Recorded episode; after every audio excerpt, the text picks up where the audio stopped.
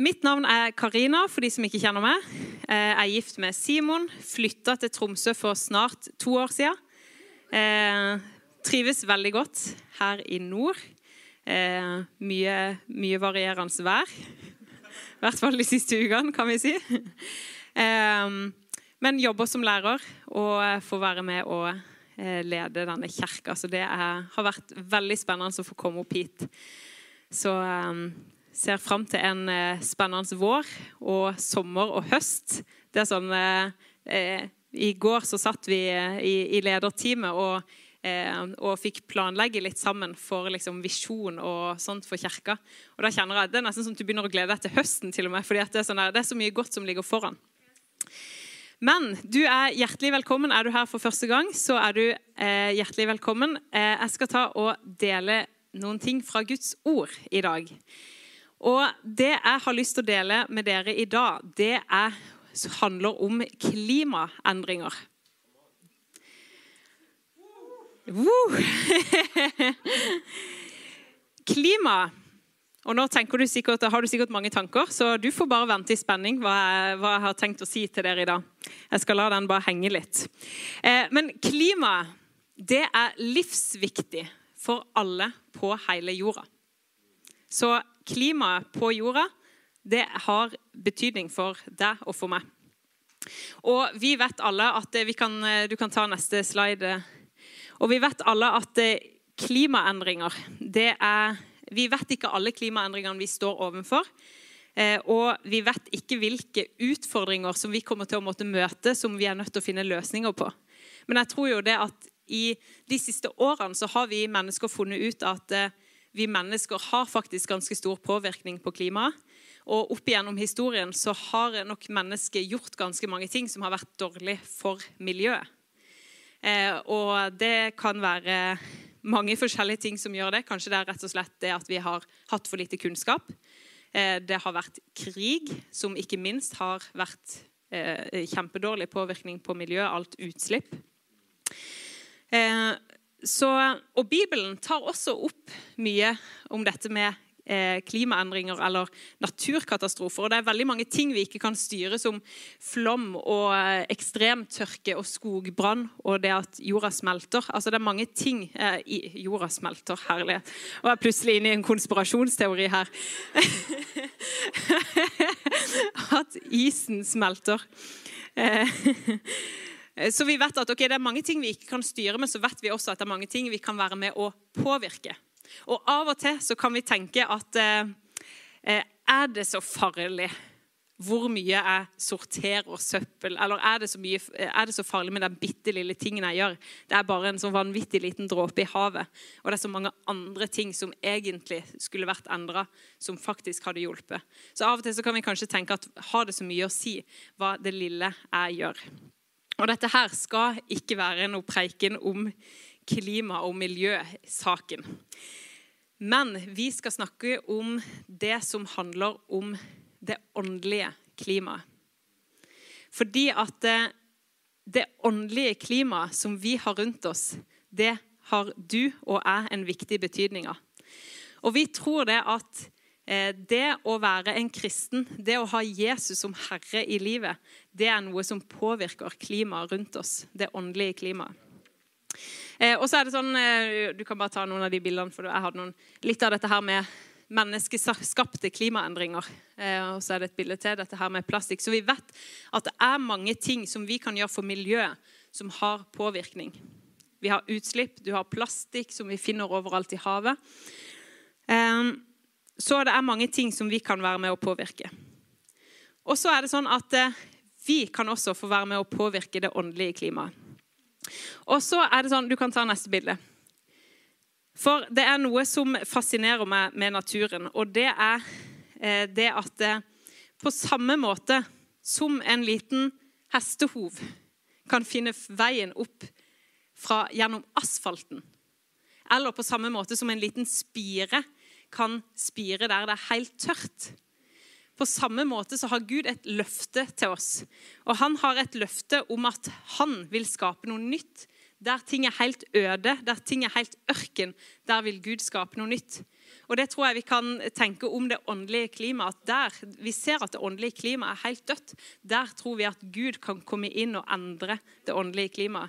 Vi bor i et land, vi bor i en by hvor det er så mange mennesker som ikke kjenner Jesus. Og vi kan få lov å være med og påvirke det åndelige klimaet. Eh, neste slide. Det står mange mange steder i Gamle Testamentet hvor det står egentlig profetier om det som skal komme. Og I Jesaja 43 og vers 19 så står det Se, jeg gjør noe nytt. Nå spirer det fram. Merker dere ikke det?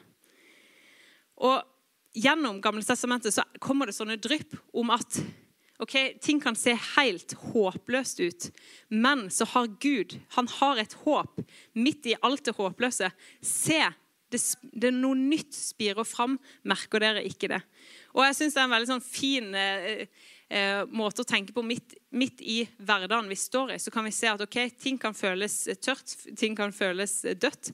Men så har vi et håp i Gud om at han har en plan for hvert eneste menneske. Så neste slide. For der er det en, eh, et bilde av en blomst. Er det noen som vet hva den blomsten heter? ja. ja, det er en blomst. Eh, det er en bråtestorknebb. Mm -hmm. Det som er spesielt med denne blomsten her, det er at eh, for at frø skal begynne å spire, så må det til noe spesielt. Og det må til veldig høy varme. Altså skogbrann. Så der det har vært skogbrann, og hele området har vært dødt, så skjer, kommer, er denne blomsten noe av det første som kommer opp. Det er en bråtestorknebb. For det er rett og slett fordi at varmen etter skogbrann har gjort at dette frøet har begynt å spire. Og så kommer dette livet opp. Eh, og midt i den situasjonen vi står i, midt i det kulturen vi lever i, så kan vi få være med og se at nytt liv spirer fram. Midt i en kultur som er full av individualisme, som er full av eh, eh, at vi tenker på oss sjøl og selvrealisering, så kan vi få lov å være med og eh, så et frø av, eh, av fellesskap, av håp, eh, av det Jesus har gjort for oss. Så vi har et åndelig klima. og de, de, endringene som skjer her, de kommer til å få påvirkning på hele jorda. Og vi kan si at en kirke har et åndelig klima. Eh, vi kan si at en enkeltperson bærer med seg et åndelig klima. Det at, eh, og det, det, kan du kanskje, Hvis du bare tenker over de vennene du har, så er det noen som bærer med seg en veldig sånn inspirerende måte å være på. Som kanskje gjør at du blir, eh, blir løfta opp, eller du føler deg oppmuntra etter å ha vært sammen med noen bestemte personer. Og På samme måte kan vi også merke i i et fellesskap, i en menighet, så bærer vi en, en kultur og et åndelig klima. Eh, og det er avhengig av hver enkelt av oss. Det er ikke sånn at vi bare skal sette oss til sida så skal vi tenke at okay, nei, det er noen som har ansvar for det åndelige klimaet, hvordan vi har det i denne kirka. Nei, det, det handler om meg, og det handler om det. Det handler om at vi alle har et ansvar. Hvor, er, eh, hvor står du i forhold til det å være ivrig etter å finne ut av hvem er Jesus? Hvem er han for meg? Hvordan kan vi eh, formidle evangeliet til andre mennesker? Og Vi skal hoppe litt inn i Guds ord. Vi skal gå til 2. Korinterbrev, eh, kapittel 3 og vers 3-6. Skal vi lese litt sammen. Så 2. Korinterne 3, vers 3-6. For dere viser at dere er Kristi brev blitt til ved vår tjeneste. Det er ikke skrevet med blekk, men med den levende Guds ånd. Ikke på steintavler, men i hjerter, på tavler av kjøtt og blod. Denne tilliten har vi til Gud ved Kristus. Vi er jo ikke selv i stand til å tenke ut noe på egen hånd. Det er Gud som gjør oss i stand til det. Han som også gjorde oss til tjenere for en ny pakt, som ikke bygger på bokstav, men på ånd. For bokstaven slår i hjel, men ånden gjør levende. Så hvis vi bare går tilbake til den første dette her sier egentlig mye om hva evangeliet. Hva er det Guds ord forteller oss? Og Her så står det at eh, dere er Kristi brev, eh, blitt til ved vår tjeneste. Dere er ikke skrevet med blekk, men ved den levende Guds ånd. Og hvis vi går litt, så står det her dette med Dere er ikke skrevet på steintavler, men i hjertene. Og Hvis vi går litt tilbake igjen i Guds ord, i Bibelen, så finner vi historien med Moses. Hvor Moses, når han, eh, han hadde en brann om at eh, folket skulle tilhøre Gud Så det Moses gjorde, det var at han skulle gå opp på fjellet, og så skulle han få loven. Han skulle få budene på steintavler. Og så tok han det med ned til folket. Og så så han at folket de levde så langt borte fra Gud. Så han ble sint, kasta steintavlene i bakken. De knuste, og han måtte gjenta prosessen på nytt. Han måtte opp igjen, få tak i steintavlene og gi dem til folket. Fordi at det, det var måten Gud kommuniserte på i Gamle testamentet, eller under den gamle pakt. Det var en lov. Gud ga folket en lov. Og hvorfor ga Gud folket en lov? Jo, han ga det fordi at folk trengte åpenbaring om hva synd er. Folket trengte å vite hva er rett, og hva er galt. Derfor ga Gud eh, loven til menneskene. Men Gud visste at det som kom til å skje, var at mennesker prøvde. De feila. De eh, gikk bort fra Gud, og så fant de ut at åh, vi har gått feil. Gud, tilgi oss. Så kom de tilbake igjen til Gud, prøvde så godt de kunne å leve sånn som Gud ville. Feila utafor Guds nærvær, ba om tilgivelse og inn. Og sånn holdt de på gang etter gang etter gang. For de hadde så lyst å leve under Guds velsignelse. Men Gud visste at jeg trenger å sende Jesus, min sønn, som kan dø for hvert eneste menneske fordi at vi klarer ikke leve perfekt. Og det var det Jesus gjorde. Han kom til jorda, han døde for vår synd, sånn at vi kunne komme til han. Så Moses er på en måte et bilde på loven. Det som vi ikke klarte å oppnå i vår egen kraft, i vår egen makt. Derfor sendte han Jesus, sånn at vi kunne være Kristi brev, som var skrevet i hjertet fordi vi var fylt med Den hellige ånd. Og den åndelige, det er det åndelige klimaet vi kan få lov til å være med og eh, vise mennesker. Det skjer noe med det åndelige klimaet når vi er Guds representanter. Når du er bevisst på at jeg er en representant av Gud. Det jeg gjør, det jeg sier, og det jeg er, har betydning når jeg kommer inn i et rom. Det at jeg tilhører Jesus, det at jeg er et Guds barn, det at jeg er født på ny av Ånden, det påvirker eh, kulturen i et rom. Det at vi kan eh, stille oss fram for Gud og si 'Gud, bruk meg som du vil'. Og Hvis du kjenner at oh, ja, men jeg, har, jeg kanskje ikke har den der veldig dype lengselen etter å bli bedre kjent med Gud og etter å se at alle vennene mine får møte Jesus, ja, men da må du begynne der. Be til Gud. Gud, vis meg. Gi meg den lengselen. Eller vis meg hvem du er. Vi ønsker et klima av kjærlighet, et klima av glede, frihet, fred og nåde. Og vi ønsker ikke et klima av loviskhet, av restriksjoner, av regler og av faste former. Og Av og til så tror jeg vi må tenke sjøl. Hva er det som påvirker vårt åndelige klima? Er det loviskhet? Er det regler? Og Av og til så må vi kanskje ta et oppgjør med ting og så må vi si at ok, nå er jeg egentlig drevet av ting som, som ikke er et, et sånn klima som jeg ønsker. Og så må vi si at ok, Gud, Hjelp meg til å legge bort disse tingene, sånn at jeg kan leve et liv i kjærlighet, i fred, i frihet. Um, I 2. Korinterne 3,6 står det bokstaven slår i hjel, men ånden gir liv.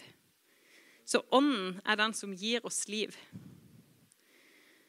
Eh, og Loviskheten den fører oss inn i et liv som er mer sånn religiøsitet, der ting vi må gjøre og ikke gjøre, og regler og bud men, ånd, men Guds ånd fører folk inn i full frihet. Og så er det sånn at når vi har fått Guds ånd, da får vi også en åpenbaring av hva er det Guds, eh, Guds lover, regler og bud sier. Og så lever vi ikke i det i en loviskhet, men vi forstår. Gud har gitt oss disse tingene for at vi skal få leve i frihet. Og det er når vi får del i den friheten, at det å eh, lese Guds ord, at det blir frihet, og at ikke det bare blir regler og bud. Så vi er avhengige av Guds ånd. Og Det var derfor Jesus kom, og det var derfor han sendte sin Hellige Ånd. Um, og så står det også i, Litt videre i Korinterne så står det om dette med eh, at eh, vi står uten slør framfor Guds ansikt. Og det var sånn at Før, i Gamle testamentet, så var det akkurat som folk hadde et slør foran ansiktet. De kunne ikke komme for nær Gud. Og det var fordi at Gud var så hellig.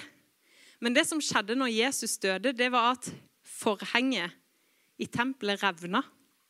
Som et bilde på at vi har fått full adgang til Jesus. Så nå står vi foran Guds ansikt uten sløret. Og så står det at eh, vi ser akkurat som, eh, når vi ser, akkurat som når vi ser inn i et speil, så ser vi inn i Guds ansikt. Og så blir vi forvandla til det samme bildet. Og det er sånn at eh, Når vi blir kristen og når vi blir en del av et fellesskap, så er det ikke sånn at alt blir perfekt. Men vi får gå en prosess, og vi får lov til å bli bedre og bedre kjent med Jesus. Og vi får lov til å bli mer og mer lik Jesus. Eh, og det er ganske fantastisk. Så uten slør så står vi foran Herrens ansikt, Herrens herlighet som i et speil, og vi blir forvandla til dette bildet. Og dette skjer ved Herrens ånd. Så alt skjer ved Guds ånd. Så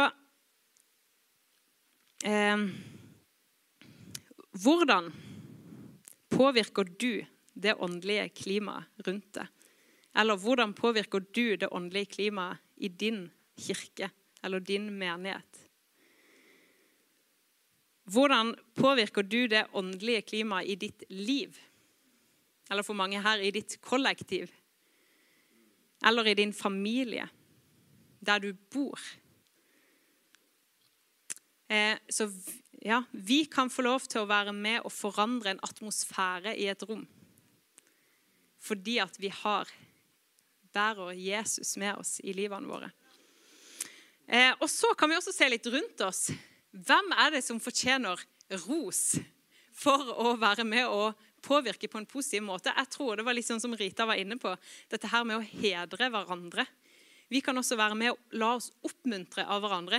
Ikke begynne å sammenligne oss og tenke åh, jeg skulle gjerne vært litt mer sånn som han, eller åh, jeg skulle gjerne hatt litt mer av det som hun har. Ikke begynn med sammenligning, men vi kan begynne å oppmuntre hverandre og hedre hverandre. Eh, Jon Harald han har ofte vitnesbyrd om at han har delt evangeliet til noen på jobb. Jeg tenker Hver gang jeg hører det, så blir jeg skikkelig oppmuntra og inspirert. Jeg tenker wow, det har jeg òg lyst til å gjøre mer av. Eh, Johannes, å se hans hjerte for det at folk skal eh, bli disippelgjort og kjenne Jesus, det inspirerer meg det at vi kan se på hverandre, og så kan vi oppmuntre hverandre, og så kan vi heie på hverandre, og så kan vi sette ord på det bra som vi ser. Og det gjør noe med deg sjøl når du sier noe til andre, og så gjør det noe med den personen. At vi kan få lov å vokse sammen, og så blir vi sånne klosser som bygges opp. Eh, ok, vi skal, på, eh, vi skal straks inn på litt, eh, tre sånne konkrete ting som vi kan få ha i livet vårt, som kan hjelpe oss til å ha et godt åndelig klima. Men først har jeg bare lyst til å ta fram eh, historien om Ester. Ester hun har ei egen bok i Bibelen. Og lurer på om det er den boka i Bibelen hvor ikke Gud blir nevnt spesifikt, faktisk. Men det som skjer med Ester, det er at hun var jøde. Og så vinner hun velvilje hos kongen. Hun blir dronninga den nye dronninga. Eh, Og så Det som skjer, er at hele jødefolket skal egentlig bli utsletta. Men pga. at hun er i den posisjonen hun er, så kan hun redde hele jødefolket. Og det er det hun gjør. Og hun har en som er på sidelinja, en som heter Mordekai, og heier på og sier at Esther, er det ikke for akkurat en tid som dette at du er satt i den posisjonen du er satt i? Det at, ok, Kanskje ikke du har en kongelig posisjon, men ikke tenk, ikke tenk lite på den posisjonen du har der du er satt. Det at vi kan ha en holdning om at ok, Gud har satt meg akkurat her i denne tida for at jeg kan få lov å være med og påvirke. Så da skal vi inn på tre ting som kan få være med å holde klimaet rent.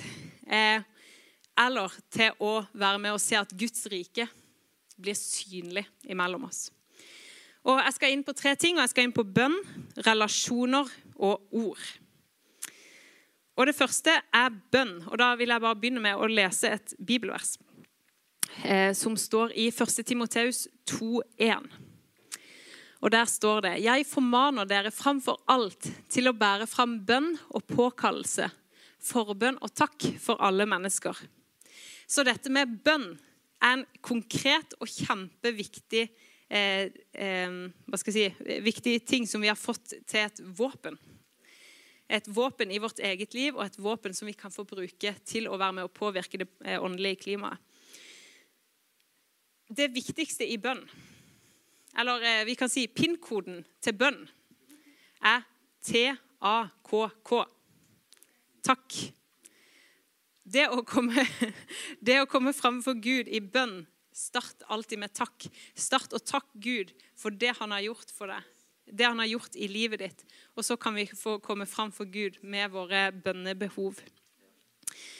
Det med bønn alene Jeg tror at det er kjempeviktig å ha et bønneliv du alene. Eh, det står jo noen steder i Nytestamentet at det står 'lukk din dør og be til din Gud som ser i det skjulte', og 'han som ser i det skjulte, skal lønne deg'. Jeg tror det er noe med det eh, at vi alene kommer fram for Gud i bønn. Så det er en viktig ting. Eh, og i dag morges, faktisk, jeg tror Simon gjorde det i går, for vi var på et sånn kurs i går hvor de snakka om dette med bønn. Og da, da ble vi oppmuntra til å skrive en bønneliste. Og til å skrive ned noen ikke-troende som vi kan få lov å være med og be for hver eneste dag. Fordi vi tror at det med bønn har påvirkning. Vi tror at når vi ber for folk, så skjer det noe. Så eh, det å bare sette seg ned og tenke ok, hvilke, hvilke tre folk rundt meg har jeg som ikke tror, eller som er på en reise, kan jeg få lov å være med og be for. Løfte opp en kort bønn for hver eneste dag.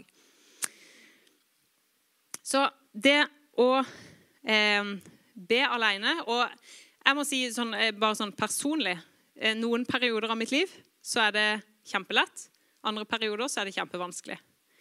Eh, og der tror jeg vi må bare ikke ikke, ikke komme i en sånn fordømmelse at vi tenker at åh, ja, dette klarer jeg aldri. Men heller ta et lite steg av gangen. Så er det det med bønn sammen. Det står at der hvor to eller tre er samla i mitt navn, så er jeg midt iblant dere. Og det å komme sammen og be, det er virkekraftig. Eh, det å komme sammen i små grupper, når du bare er sammen med en venninne eller en kamerat, å kunne be sammen, en enkel bønn, eller det å eh, komme her på eh, preview før gudstjenesten eh, halv tolv og bare løfte opp gudstjenesten sammen. Eller det å være med på bønnemøte. Bare det å også begynne å øve seg på å be høyt. Det tror jeg er kjempeviktig, for det er, kraft, det er et kraftig våpen som vi har fått. Så jeg vil bare oppmuntre deg til å ta et lite steg i det med bønn. Syns du det er kjempeskummelt å be høyt, ta et lite steg. Det er ikke sånn at du skal starte her oppe og stå og be, men et lite steg. Så bønn er en konkret ting vi kan gjøre for eh, det åndelige klimaet vårt. Så er det relasjoner. Gud han har skapt oss til fellesskap. Vi er skapt til å leve sammen, ikke alene. Og eh, vi kan kalle hverandre for sånn Ja, jeg er litt sånn eh, Herlighet, hva heter det? Individualist? Ja. Eh, eller er sånn eh, supersosial person. Og det er sånn, ja, Vi kan godt dele oss litt inn i de kategoriene der. Introvert. Takk, det var det ordet jeg skulle ha, ja. Eh, vi kan godt dele oss inn i sånne kategorier, men Gud har skapt oss til fellesskap. Alle er avhengige av fellesskap. En veldig viktig ting, eller jeg tror jeg hadde noen ord på neste. ja. Gjestfrihet, sjenerøsitet, tjene og måltid. Det er bare fire sånne korte ting jeg skal gå litt raskt gjennom. Gjestfrihet, det er noe som koster litt. Noen, for noen så koster det mer enn andre. Men det å åpne hjemmet sitt, det koster av tida di, det koster av eh, måten du prioriterer hverdagen din på.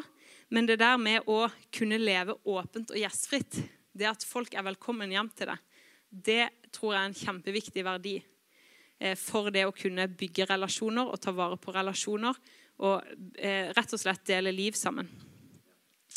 Eh, og I Romerne 12, 13 så står det 'legg vind på gjestfrihet'. I Hebreerne 13, 12, så står det 'glem ikke gjestfriheten'. Jeg tror For oss så er det en kjempeviktig verdi å streve etter å kunne leve med et åpent hjem. For det åpner for samtaler, det åpner for å leve litt tettere på hverandre. Eh, vær sjenerøs. Sjenerøsitet det å kunne tenke at de tingene du har fått, de har jeg fått fra Gud. Og hvis du kan leve med tingene dine ut ifra det perspektivet der, så tror jeg det er mye lettere å gi. Fordi at da blir ikke tingene noe som jeg har tjent, og jeg har opparbeida meg, og jeg har fått. Men det blir en velsignelse. Og den velsignelsen kommer tilbake til deg. Det er et løfte i Guds ord så står det om Jesus at han var en tjeners skikkelse. Han ga avkall på sitt eget, tok på seg en tjeners, skikkelse og ble mennesker lik. Og vi vet dette her med at Jesus bøyde seg ned og vaska føttene til disiplene. Jesus han var en som tjente mennesker. Og Gud har kalt oss til å være en som er med og at vi kan få være med og tjene hverandre. Se hverandre i den situasjonen vi står i Eh, se hverandre i den hverdagen vi står i, og være med å oppmuntre hverandre og tjene hverandre med de gavene og talentene vi har fått. Kristoffer, som er en skikkelig eh, vaktmestermann som kan fikse alt mulig. Det var sånn Vi sto der ute, og så eh, havna liksom forhenget ned foran hoppe klatreveggen. Og Rita bare 'Nei, Kristoffer kommer snart. Det går fint.' det å ha sånne folk som kan få være Vi kan tjene hverandre på forskjellige måter. Kjempeviktig. Eh, spise, eller måltid, sto det. Spise sammen. Det å spise sammen, det gjør mye med oss. Mer enn bare det å sitte og skulle snakke, og så ferdig. Men det å spise sammen, dele mat sammen, ta oppvasken sammen. Og det står i Apostelens gjerninger 2,46 så står det dette med at hver dag holdt de trofast sammen på tempelplassen og hjemme, brøt de brødet og spiste sammen med oppriktig og hjertelig glede. Så jeg tror at disippellivet og den kulturen, det er så fint å spise sammen. Og det er også en veldig fin måte å invitere nye folk inn i for å bli kjent med noen av vennene dine som er kristne. Kjempefin måte å invitere folk inn på. Så til slutt så er det ord. Det kunne kanskje stått 'ordet', som i Guds ord, men eh, det står ord her fordi det handler ikke kun om å lese Guds ord, men det handler om litt flere ting enn det. Eh, der har vi også en slide til. Det skal snakke litt om evangeliet, vitnesbyrd og invitasjon. Evangeliet. Vi trenger å forkynne evangeliet til mennesker sånn at de forstår. Og dette her tror jeg vi må ta en egen preik om en gang. fordi at eh, hvordan hvordan kan vi formidle evangeliet til folk på jobben, på studiet, sånn at de forstår? Hvis du går bort til noen og sier ja, Jesus døde for deg, for alle syndene dine, så blir folk litt sånn Ja, OK. Folk skjønner ikke helt hva du egentlig mener. Folk har ikke noe forhold til det. Så vi må faktisk øve oss på å forkynne evangeliet til folk, sånn at folk forstår. Eh, sitt hus han var en mann i, i, eh, som det står om i Apostelens gjerninger, hvor han fikk et syn om Peter som skulle komme og, og fortelle ham noen ting. Og Peter han fikk det samme. Han skjønte at ok, her er det et hjem jeg skal hjem til, og så skal jeg forkynne Guds ord. Så Peter han går hjem til, eh, til familien til Kornelius, og så begynner han å brette ut om evangeliet. Og måten han gjør det han, han, de, I, i Apostlenes gjerninger så ser vi at de forkynte evangeliet egentlig på mange forskjellige måter fordi at de forkynte til ulike folk, ulike folkegrupper. Så det å forstå at ja, evangeliet om Jesus er det samme, men vi må kanskje bruke forskjellige ord for å forklare til folk, for at de skal forstå. Så eh, det kan du jo gå hjem og tenke litt på. eh, eller kanskje skrive ned. Eh, bare det å øve seg på å kunne formidle evangeliet på en enkel måte. Vitnesbyrd det er kanskje en av de mest mektige måtene vi har til å formidle eh, Guds, eh, eller evangeliet til folk. Det personlige som Gud har gjort i ditt liv. Hvordan du kom til tro, hvordan du møtte Jesus, hvordan Gud forandra ditt liv. Og det å kunne øve seg å sette ord på hva det konkrete ting som gjorde Eh, at det skjedde noe med meg? Var det folk som kom og oppmuntra meg? Var det folk som heia på meg? Var det folk som ba for meg? Mange som har vitnesbyrd på at de har hatt folk i familien sin som har bedt for, for det. Så det med å kunne dele din personlige historie, det er kjempeviktig. Og det å være klar til å kunne formidle både evangeliet og vitnesbyrdet, det er også noe som har veldig mye å si for den åndelige atmosfæren og det åndelige klimaet. Er vi klar når vi kommer i en situasjon hvor vi faktisk har muligheten til å fortelle noe fra mitt liv. Folk på jobb er kanskje nysgjerrige. Hvorfor er du kristen? Og Hvilke ting kan vi da trekke fram som vi er faktisk klar? Så til slutt invitasjon. Det å invitere folk inn. Det er ikke alltid at folk sier sånn Ja, ja, jeg kommer med en gang i kirka, eller jeg kommer hjem til deg for å høre mer om tro. Men det å sende ut sånne invitasjoner til folk, det tror jeg gjør noe med folk. Og så kanskje i mange så må du jobbe en stund før du faktisk tar det steget og kommer og får møte, møte kirka eller møte noen av vennene dine. Det er ikke noe vi presser på folk. Vi skal ikke tvinge folk til å komme, komme her eller der, men det er en åpen invitasjon til folk. På samme måte som Gud har gitt en invitasjon til oss, så kan vi få være med og invitere andre inn i det. Så det åndelige, det åndelige klimaet, det er kjempeviktig for, eh, for ditt eget liv, og også for oss som fellesskap. Du har betydning for det åndelige klimaet. Og det merker vi fort når noen er ivrig etter å søke Gud, eller kommer med vitnesbyrd, eller eh, kommer med tro, eller noe du har lest i Guds ord. Det er noe som vi merker på atmosfæra i et rom eller i, i, i menigheten. Så jeg vil bare oppmuntre hver enkelt til å tenke ok, hva kan jeg gjøre for å være med og gjøre det åndelige klimaet enda bedre? Til å være med og se at Jesus blir synlig. Til å være med og se at vi kan få bygge et fellesskap hvor vi sammen kan få stå på Guds ord. Vi skal gå mot en avslutning. Eh, og Jeg tror jeg har lyst til å bare avslutte igjen med å lese starten av andre Korinterne 3. Og 3 til 4 er det vel. For dere viser at dere er Kristi brev, blitt til ved vår tjeneste. Det er ikke skrevet med blekk, men med den levende Guds ånd. Ikke på steintavler, men hjerter på tavler av kjøtt og blod. Denne tilliten har vi til Gud ved Kristus Jesus. Så vi er Kristi brev, ikke skrevet på steintavler, men ved Guds ånd i våre hjerter.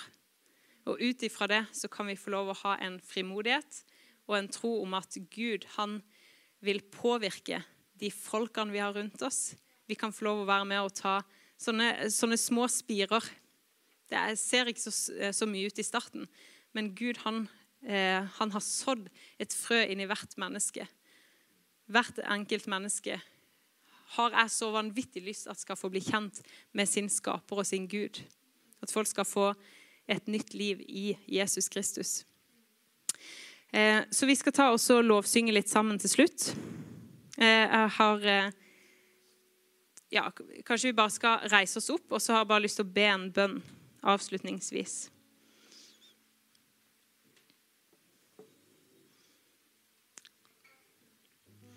Og hvis du kjenner, Om det er noe spesielt du kjenner som traff deg, så bare kan du løfte det framfor Gud der du står. Er det noen som er her for første gang, eller noen som ikke har tatt imot Jesus, så er det også en mulighet for å ta imot Jesus. Eh, da kan du gjerne ta kontakt med Simon eller meg etterpå, så vil vi gjerne be sammen med deg.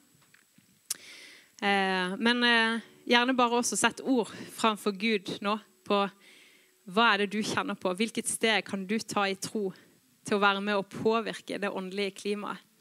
Til å være med å se at vi får et sunt og godt klima full av kjærlighet, frihet, nåde, rettferdighet. Yes. Takk, Jesus, for at du er konge, for at du er herre. Takk, Jesus, for at du har gitt oss ditt liv sånn at vi kunne være, leve i frihet. Takk, Jesus, for at du har tatt på deg all synd og all skyld, sånn at vi ikke lenger skal få leve under loven, men for at vi skal få leve i frihet. Og takk, Jesus, for at du har satt oss her i Tromsø akkurat for en tid som dette, Herre. For at vi skal få lov å være med og påvirke byen vi bor i, med din atmosfære. Og Jesus, Jeg bare ber for hver enkelt som er her i dag, Jesus, at vi skal få lov å være med og påvirke folk rundt oss der vi går. At vi vet at vi bærer noe med oss som har betydning for det åndelige klimaet, for kulturen. Mm. Takk, Jesus. Amen.